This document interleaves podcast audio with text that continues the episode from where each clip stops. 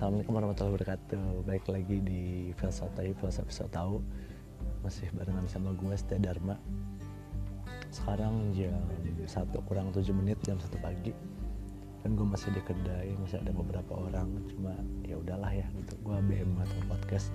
Karena gue pengen ngebagi sedikit cerita gue Yang gue alami beberapa hari ini gitu.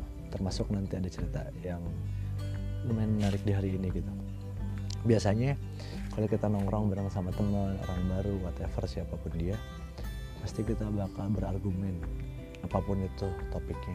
Entah lo ngomongin uh, mobil motor lo ngomongin soal cinta dan ya nggak bisa dipungkiri kadang ada perdebatan di situ dan itu selalu jadi hal yang menarik sih. Jadi waktu itu gue lagi di kedai sendirian lagi sendirian temen gue izin jadi gue di di kedai itu kayak yang ribet gitu. Jadi gue harus uh, brewing kopi juga dan mau ngantar juga ke customer kan. Nah waktu itu yang datang ada tiga orang dua cowok dan satu cewek. Gue nggak tahu sih. Kayaknya dia nungguin orang tapi ya seru lah mereka heboh gitu ngobrol A B C D F gitu kan yang macam-macam menarik lah. Nah pas gue lagi nganterin pesanan mereka tiba-tiba mereka ngajakin gue ngobrol gitu. Coba nih tanya sama masnya. Dia ngomong gitu kan ke gue sampai bingung nanya apa? Gue bilang yuk sini mas duduk aja. Kita ikutan ngobrol bareng aja. Ada yang pengen gue tanyain sih kata dia gitu. Oh ya udah bentar ya gue bilang gitu kan. Jadi pas gue beres nganterin gue beresin bar gue dulu bar kopi baru gue nimbrung gitu kan. Pas gue nimbrung tuh di tengah-tengah gitu jadi si dua cowok ini lagi diskusi nih sama si wanita gitu kan ngomongin soal yang namanya cinta. Yoi nggak udah kayak orang pinter banget gitu berani ngomongin cinta. Karena menurut gue cinta terus rasa belief gitu kan keyakinan kayak nggak bisa diperdebatkan gitu loh. Yang konsepnya kayak batiniah tuh susah buat didebatin gitu. Karena kita nggak bisa buat apa ya melihat secara fisiknya dan takarannya juga pasti beda-beda gitu. Kayak ketika lu ngomongin wah nasi gorengnya pedes banget. Buat beberapa orang ya biasa aja gitu. Kalau ngomongin soal rasa kepercayaan juga kayak gitu gitu. Lo meyakini agama A dan gua agama B ya udah gitu. Kayak susah buat didebatin dan ini ngomongin soal cinta. Gue rada cengenges sebenarnya sih. Rada cengengesan sebenarnya. Jadi menariknya itu si dua cowok ini kayak mungkin ya mungkin ya. Mungkin kayak dia itu lagi mau uh, show off gitu di depan si cewek ini. Lumayan cantik ceweknya. Bukan lumayan sih ya cantik lah gitu. Di depan ceweknya dan dia kayak ngomongin soal cinta. Yang yang cowok satu lagi nih si A nih bilang si A? Cowok yang pertama dia bilang kalau cinta itu nggak harus memiliki karena cinta itu memberi tanpa meminta lucu ya. Memberi tanpa meminta. Terus yang si B nih ngomong kalau cinta itu harus memiliki apa rasanya gitu. Kalau lu mencintai seseorang tapi lu nggak pernah bisa memiliki apa gitu? Lu batin doang nanti. Bla bla bla bla bla bla bla bla gitu. Cuma mereka berdebat gitu. Kan ribet lah ya pengen gue jedukin dua-duanya palanya gitu. Debat kusir menurut gue gitu. Jadi gue ikutan rada nyengas aja gitu kan. Terus dilempar lah ke gue gitu kan. Karena mereka berdua berbeda pendapat dan si ceweknya juga waduh gue harus gimana? gitu. Lihat mereka berdua berdebat ceweknya banyak ketawa doang lagi. Dia nanya ke gue kalau menurut lo gimana mas? katanya kalau ngomongin cinta. Dalam hati gue ya ini kalau bukan customer nih gue tinggal cabut gitu kan. Karena gue malas juga gitu. Kayak aduh ngomongin sesuatu hal yang nggak penting. Dan gue ngejawab kayak gini doang sih. Ini menurut gue ya gue bilang gitu ke dia. Kalau menurut gue dua-duanya nggak ada yang benar kalau buat gue secara definisi dan apa pun itu yang mereka sampaikan ya udah gitu. Kalau buat gue cinta itu kesetiaan gue buat terus ngejar mimpi gue apa pun yang gue impiin.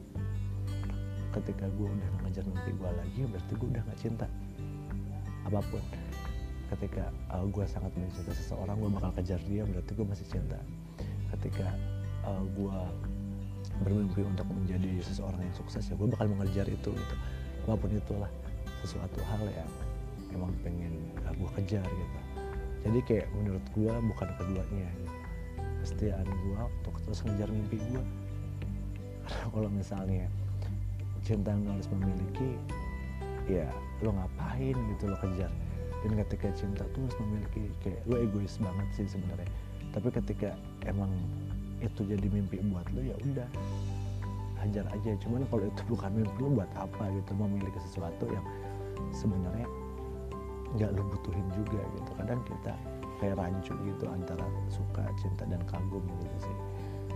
Dan kadang emosional ini harus dipastiin dulu sebenarnya apa yang lo rasa. Menurut gue sih kayak gitu gitu. Dan yang paling menarik itu sebenarnya itu hidup itu dan semua fenomena yang ada itu bakal menghasilkan output yang beda-beda juga. Karena setelah gue pikir-pikir ya kayak hari ini tadi gue diskusi macam-macam sih sama anak-anak di kedai juga. Sama anak-anak di kedai ngomongin dari gimana sih cara usaha yang sukses dan yang lain-lain gitu. Karena gue juga pengen banget jadi orang yang sukses gitu diskusi A B C D F G gitu. Tapi intinya kayak hidup ini cuman masalah gimana kita ngeliat realitas yang ada gitu. Balik lagi kayak misal gini lu punya background pendidikan lu psikologi gitu dan lu terbentuk di uh, lingkungan yang agamis banget gitu. Lu bakal ngeliat perspektif dunia itu atau hal-hal yang ada di sekeliling lu itu berdasarkan apa yang lo punya. Pengalaman agama lu seperti apa karena lingkungan keluarga lu. Dan yang kedua pendidikan lu psikologi itu nanti bakal lo kait-kaitin lah cara ngeliat dunia ini dengan pengetahuan yang lo punya termasuk pengalaman yang lo rasain juga. Di sisi lain misal uh, background pendidikan gua misalnya uh, teknik genjot gitu. Atau kalau teknik mesin teknik apa pun itu gue bakal melihat dunia dengan ilmu yang gue punya gitu ketika ilmunya berbeda dan uh, lo kelas sama orang yang punya pengalaman yang lain lagi gitu yang berbeda sama lo bakal jadi kayak ini sesuatu hal yang beda nih. Yang bener tuh gue yang bener tuh gue gue gue gue ribut lah ujungnya. Padahal hal kayak gitu tuh nggak perlu buat didebatin nih kayak gimana gimana. Walaupun setiap kita ini punya pedomannya masing-masing gitu punya perspektif yang sebenarnya cukup jadi konsumsi pribadi sih kayak gue bahas di uh, podcast gue sebelumnya setiap kita itu punya idealismenya sendiri-sendiri, punya pemikirannya sendiri dan itu hanya untuk konsumsi diri lu sendiri, bukan dipaksakan untuk orang. Dibagikan boleh boleh, cuman kalau dipaksakan lu sih. Nah itu yang kadang selalu bikin jadi konflik. Lo kekeh banget itu kayak apa ya kayak lu tuh seolah-olah seolah-olah ya kayak sosok superhero banget gitu cuy. Lu mau memperbaiki dunia dengan perspektif yang lu punya. Seolah-olah itu tuh sebuah kebenaran gitu. Ya iya kalau bener gitu mending. Ternyata bener yang lu punya ini cuman bener versi lo doang tapi enggak versi hukum enggak versi uh, norma yang ada di masyarakat kan bisa kayak gitu juga gitu. Kayak misal kasus yang yang lagi bukan lagi ini sih ini sebenarnya isu lama tapi kayak masih terus diperjuangkan soal legalisasi ganja itu ya kayak gitu. Untuk orang wih ganja itu baik buat kesehatan bla bla bla. Ya benar tapi gimana siap nggak nanggung penyalahgunanya gitu kan ketika legal? Udah ada motor bentar ya gimana cara mengatasi penyalahgunaannya nanti gitu. Kalau misalnya ganja dipakai buat obat dan dalam bentuknya kapsul dan cuma dibeli untuk beberapa hal yang eh, emang orang membutuhkan dalam keadaan sakit ya mungkin bisa kalau untuk kepentingannya medis. Tapi kalau legal nanti tujuannya oh, banyak penyalahgunaan ya buat apa gitu. Orang softtek aja disalahgunain kan. Softtek direbus diminum airnya mabuk. Ya emang kita orang Indonesia ya ada aja gitu jalan penyalahgunaannya jadi kalau emang tujuannya bukan sesuatu hal yang baik atau lebih banyak kecenderungan nanti tindakan kriminal yang bakal ada ya mending jangan gitu kan. Itu kalau perspektif gue tapi gue gak memaksakan orang buat sepakat sama gue tapi kan bla bla bla itu mangga itu konsumsi untuk lu untuk gue ya seperti ini. Tapi ketika ada statement lu ada yang baik gitu ya udah gue ambil gue sedot ilmunya gitu ya oke. okay. Kan kayak gitu sebenarnya. Kan lebih menyenangkan aja ngejalanin semuanya nggak banyak debat. Ketika jalannya sama ayo bareng beriringan sharing. Tapi kalau berbeda ya udah gitu. Jangan ngotot-ngotot banget lah jadi manusia. Terus ketika ngomongin soal sudut pandang kadang itu sisi egoisme kita itu bakal kelihatan banget. Karena kalau gue buat gue pribadi ya buat gue pribadi gue uh, first impression sama seseorang itu selalu dari sesuatu hal yang buruk di mata gue buat gue gitu dari sudut pandang gue ya. Misal gue kenal sama uh, sosok wanita atau sosok laki-laki atau uh, orang baru di kehidupan gue gitu kan. Tiba-tiba nih orang uh, tukang upil dia jorok dia klepto dia maling hal pokoknya hal, hal negatif yang dia punya gitu. Semua gitu dia lakuin di depan mata gue atau enggak uh, ini orang sebaliknya dia dermawan dia uh, baik dia royal bla bla bla bla gitu.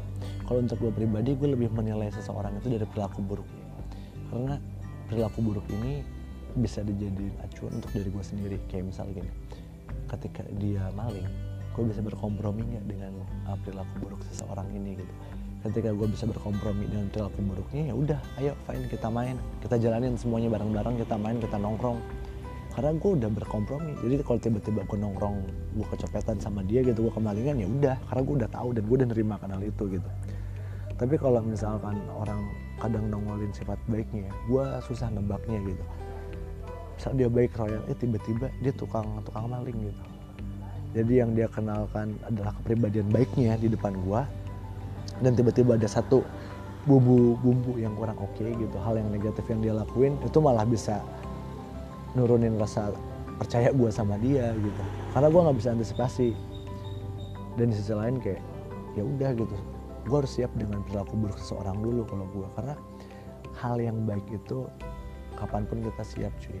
Tiba-tiba ada orang yang royal sama lo tiba-tiba ada orang yang uh, ngasih lo duit satu m gitu. Lu siap mau kondisi lo lagi mandi kayak kondisi lo lagi bangun tidur ya lu siap aja gitu kan. Nggak perlu pakai persiapan buat menerima sebuah kebaikan itu.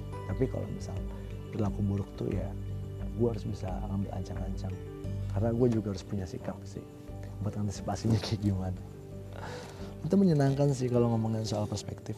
Selalu ada pandangan baru di setiap kita manusia. Karena kita kan selalu berbeda. Nggak semua hal kita sama.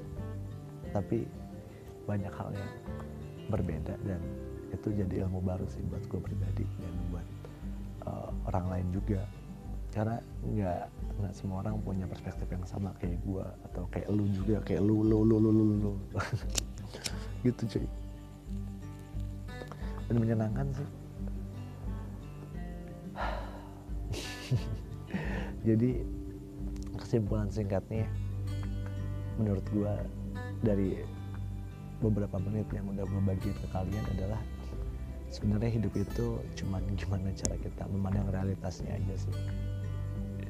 Jadi nggak usah diperdebatkan. Itu adalah kayak sisi yang gue lihat dan yang lo lihat itu belum tentu sama walaupun objeknya sama